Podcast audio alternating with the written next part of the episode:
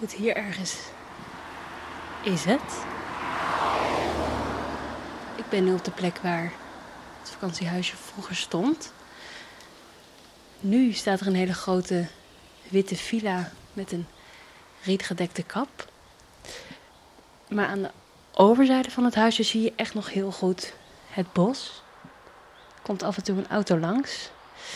En dat uh, hoor je vast wel goed. Maar als je hier tussen die bomen staat, dan kan je je wel voorstellen hoe dat op zich is geweest.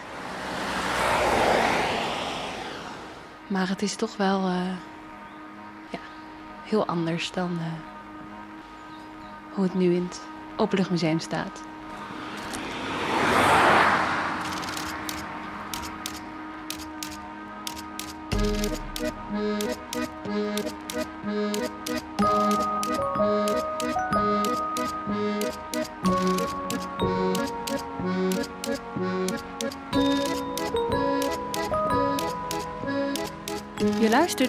Als muren konden praten.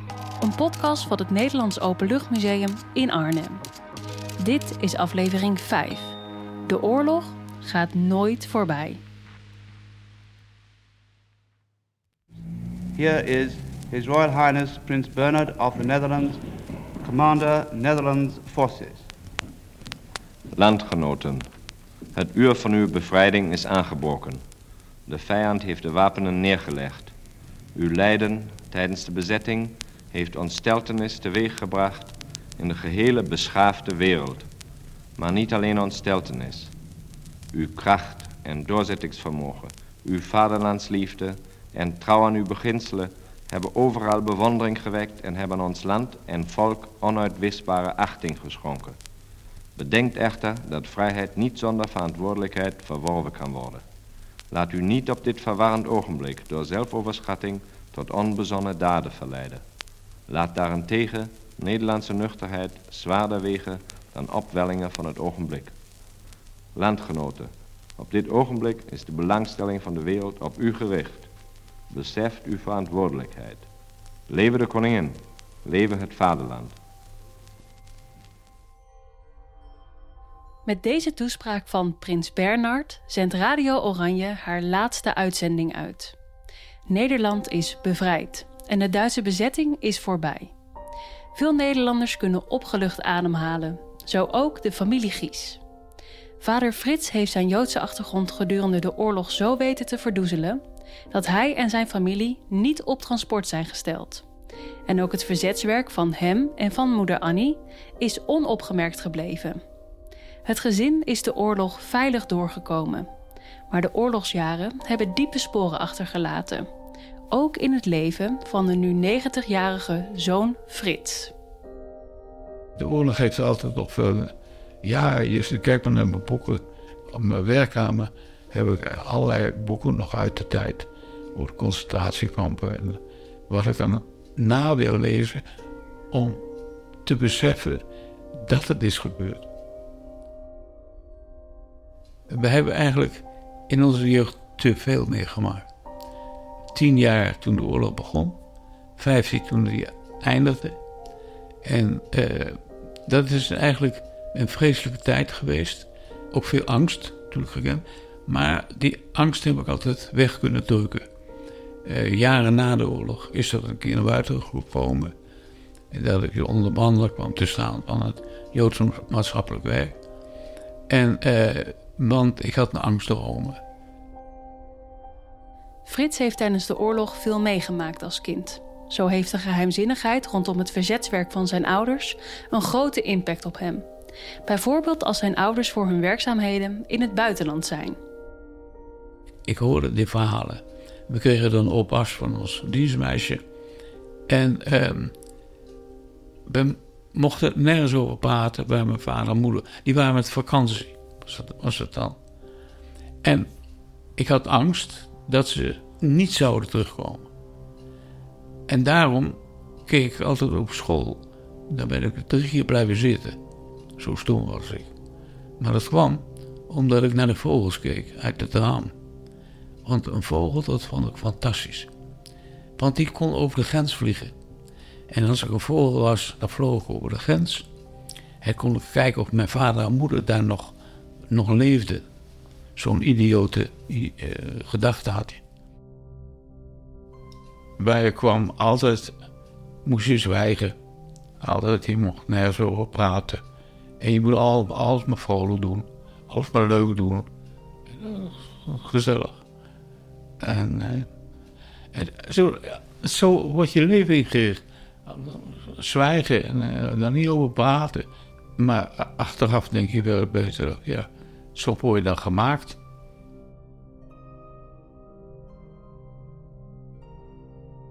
Ondanks dat vader Frits en moeder Annie de oorlog ongeschonden doorkomen, laat hun verzetswerk en alles wat eromheen hangt diepe sporen na in het leven van zoon Frits. Via Teams spreek ik met Patricia Dashorst. Als psychiater weet zij hoe de oorlog een leven lang kan doorwerken.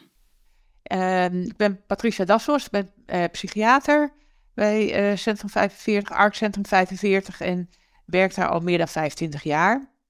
En werk met name met de doelgroep Tweede Wereldoorlog getroffenen, zowel de eerste generatie, dus die de oorlog zelf meegemaakt hebben, als kinderen van de, de naoorlogsgeneratie. En zowel mensen die in Europa als in voormalig Nederlands-Indië de oorlog meegemaakt hebben.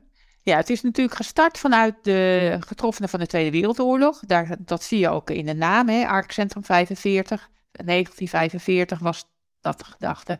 Dus na de bevrijding. En de mensen die dan last hadden van de dingen die ze meemaakten in de oorlog. Nu, 70 jaar na de oorlog, meer dan 70 jaar na de oorlog, melden zich soms nog mensen voor het eerst van 80 plus die last krijgen van die oorlog. En tot nu toe hebben ze hun leven wel geleefd. En ja, het was er wel en het was, was moeilijk enzovoort. Maar ja, ze konden gewoon de dingen doen zoals zij vonden dat ze het leven moesten leven. En dan, in ene, op hun 85ste, krijgen ze last. Uh, soms uh, komen, krijgen mensen herbelevingen, komen de herinneringen aan die oorlog steeds naar voren. Ongewild, hè? Ze worden er steeds aan herinnerd, ze krijgen er nachtmerries van. Uh, kinderen zijn natuurlijk een bron van plezier, hè, maar geven ook vaak onrust, zorgen uh, of zijn rumoerig. Nou, iemand die de oorlog meegemaakt heeft en die is vaak aan het kijken van is het er toch wel veilig hier? Gebeurt er niet iets wat, wat niet wat gevaar kan leveren? Nou, als kinderen dan heel veel lawaai maken, dan kan dat onrust geven en dan kunnen mensen dus hun kinderen het, het lawaai van spelende kinderen bij wijze van spreken niet, niet meer goed verdragen. Dus dat kan een reden zijn om als de kinderen gewoon lief aan het spelen zijn en af en toe een stem verheffen. Met een Lego gooien. Nou ja, dat kan gebeuren. Maar uh, als je dan al op de toppen van je zenuwen bent, dan raak je daar soms van over de rode. En word je onredelijk geïrriteerd. Het gebeurt eh, bijvoorbeeld, het gebeurt altijd al de oorlog van de Oekraïne, hè, die er nu veel op tv is. Dat, dat was bijvoorbeeld zo'n moment dat mensen uh, zich geïrriteerder gingen voelen. En dan is er iemand in de omgeving die zegt van... hé, hey, maar iedere keer als jij dat op de, op de tv ziet, dan word je geïrriteerd. Zou het misschien niet toch iets met de oorlog te maken kunnen hebben? Nou, dus er moet iemand zijn die... Uh, soms mensen zelf, maar soms anderen die een, een link leggen heel veel mensen die bij ons komen hebben dan een posttraumatische stressstoornis. Dus last van de dingen die toen gebeurd zijn. Maar eigenlijk zijn, uh, zijn hun emoties een soort van bevroren in die situaties van toen. Die, die angst die er toen was, die is voortdurend aanwezig. Terwijl in het hele dagelijk, dagelijks leven is dat helemaal niet reëel. En als je het met ze daarover hebt, snappen ze dat ook. Maar dat gevoel is er voortdurend. Dus uh, je probeert eigenlijk uh, de emoties weer te laten stromen. Dus we gaan eh, stilstaan bij van de situatie van toen. Die geeft heel veel uh, angst, verdriet, woede. Hoe je je daarbij voelt. En in de hoop dat als we, of in de hoop en in de verwachting dat als je daar het echt aankijkt, wat je eigenlijk niet wil, maar de traumatische ervaring echt in de ogen kijkt. En dat gevoel in de kamer met mij of een andere behandelaar doorleeft, dat het wat verzacht. En dat het niet meer te pas en te onpas de kop opsteekt. Het zal, natuurlijk zullen er soms situaties zijn waar je, waardoor je er weer aan herinnerd wordt. Maar eh, en dat is hard werken voor, uh, voor patiënten hoor. Om, om er echt met hun, hun gevoel bij te blijven. En hoe beangstigend en eng en, eh, en, enzovoort het was. Maar het helpt ze toch om het af en toe even opzij te zetten. En, het en, en weer de toekomst in te gaan. Het leven dus weer te kunnen gaan leven van nu. De mensen die bij Centrum Ark 45 aankloppen zijn allemaal heel verschillend en variëren van verzetsmensen en onderduikers tot Holocaust-overlevenden en overlevenden van de Jappenkampen. Maar ook kinderen van verzetsmensen, zoals zoon Frits, kunnen in de oorlog trauma's hebben opgelopen. Uh, kinderen van verzet, hè, dus die een uh, kind waren in de oorlog, die uh, leefden natuurlijk in, in de angst van die ouders die deden iets wat, wat gevaarlijk was. Dus er was altijd toch wel een soort van angst in huis. En die, za en die kinderen zagen misschien dingen waar, waar ze over moesten zwijgen. Hè? Van dit mag jij niet, niet vertellen. Of uh, uh, niemand thuis laten spelen, want we hebben onderduikers in huis. Hè? Dat, dat soort dingen.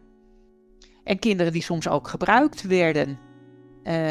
Te gebruiken tussen aanhalingstekens hè, om uh, briefjes uh, ergens naartoe te brengen. Want nou kinderen waren onschuldig. Dus die konden wel even een wandelingetje maken, naar een vriendje gaan en een briefje afgeven. Of, nou ja, noem maar een voorbeeld.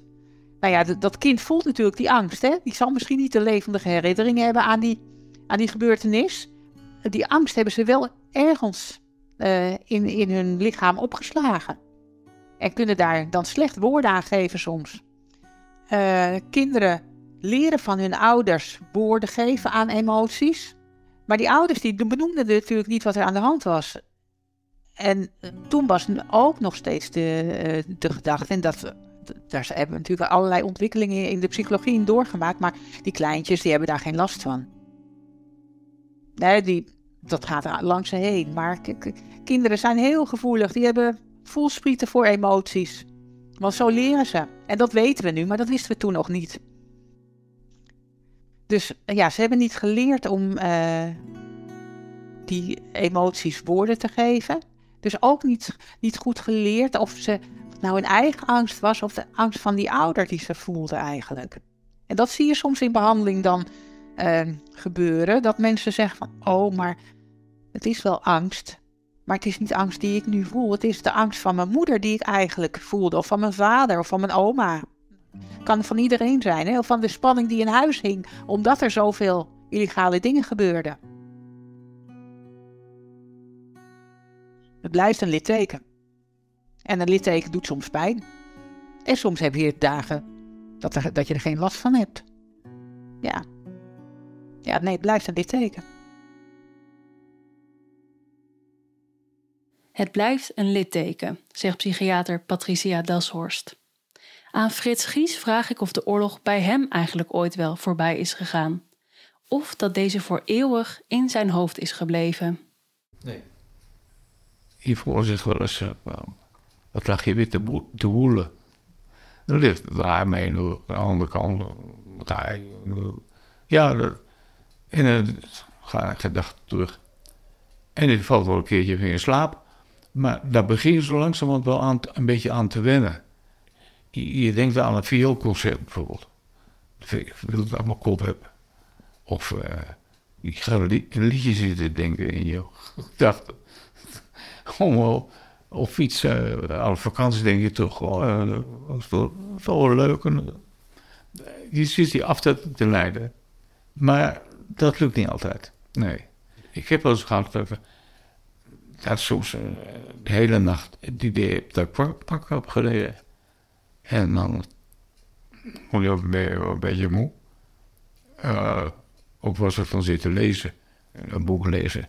Dat vond ik wel geen wegzakken. Ik lijk wel oude lul en zo. maar uh, ja, dat, uh, het, het, gaat nooit uit je. Nee. Maar je, het komt ook van, je kijkt naar televisie. Wat nou er gebeurt daar? In, in, het, in het oosten. En, en dat voor die tijd al in Syrië gebeurt. En in Libanon en noem maar op. Uh, je treft het altijd weer.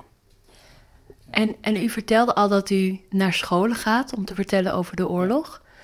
Waarom vindt u dat belangrijk? ik vind het belangrijk omdat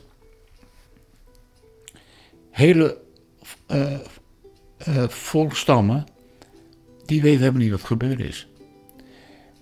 Uh, eerst was het zo, ja meneer, mijn vader heeft in het verzet gezeten. En de volgende generatie zei, ja mijn opa heeft in het verzet gezeten. En nou ja, ja mijn over, overgrootvader in het zegt, jongen, jongen, wat verzet hebben we door. En ik zeg wel eens, vertelde zo op, op scholen, van wij hadden ontzettend veel mensen in het verzet na de oorlog. Maar in de oorlog? Nee. Ook het Openluchtmuseum vindt het belangrijk om verhalen over de Tweede Wereldoorlog te blijven vertellen. En daarom krijgt het vakantiehuisje uit Warnsveld een plek in het museum. Aan conservator Tim Smeets vraag ik waarom nou juist dit huisje?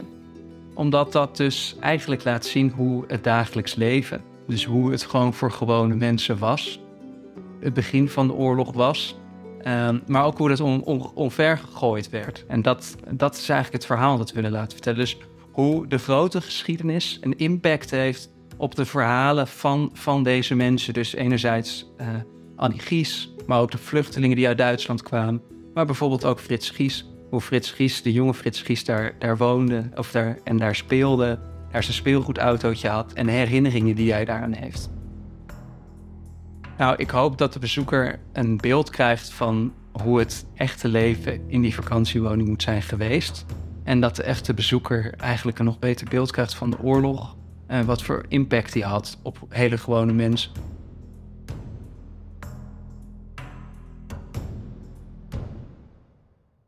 Het is eigenlijk heel gek om te bedenken dat dat heel huisje wat eerst op de ene plek stond, nu ineens op die andere plek staat.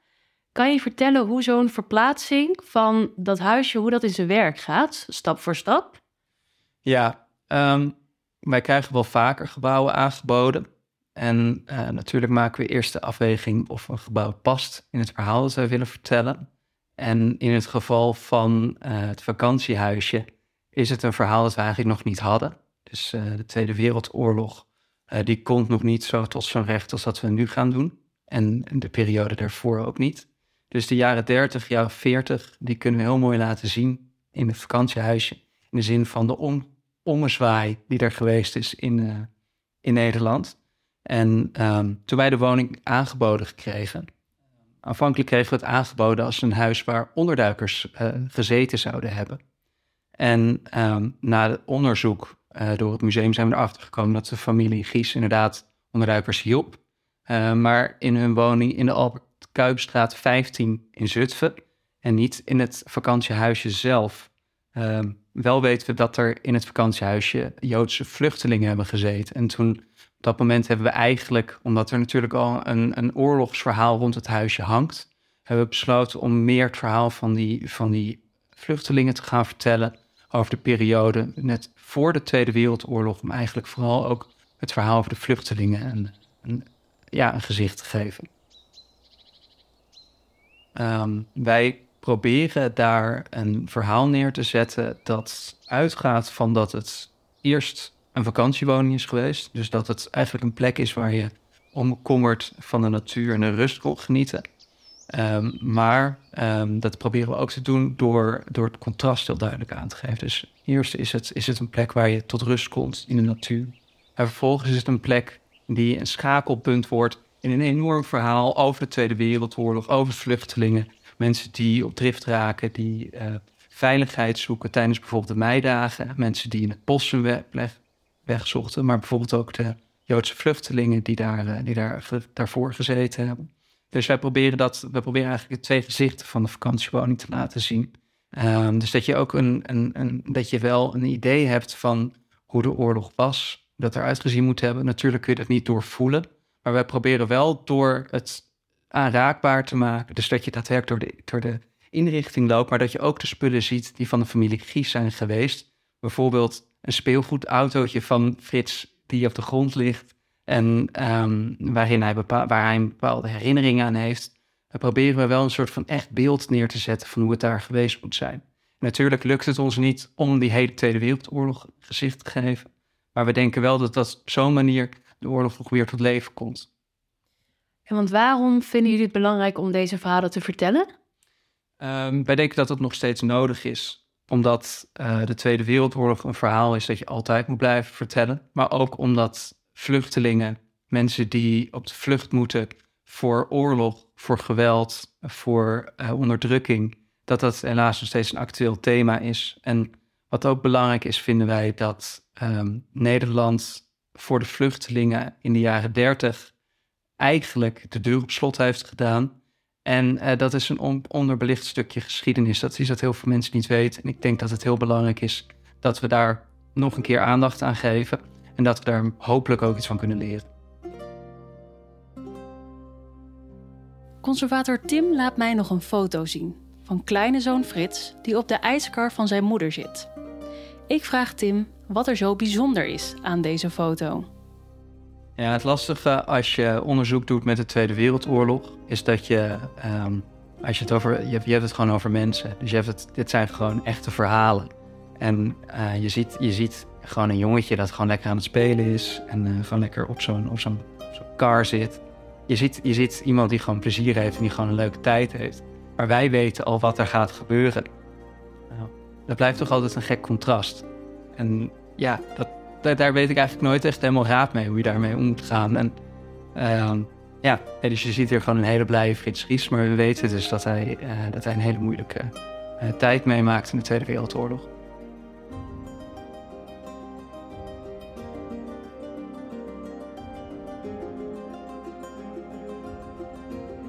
Je luisterde naar de voorlopig laatste aflevering van Als muren konden praten, een podcast van het Nederlands Openluchtmuseum. Deze serie is gemaakt door mij, Martine van der Veer, en de mixage werd gedaan door LBL. Wil je het vakantiehuisje uit deze serie met eigen ogen zien? Het huisje uit Warnsveld is vanaf nu te bezoeken in het Nederlands Openluchtmuseum in Arnhem.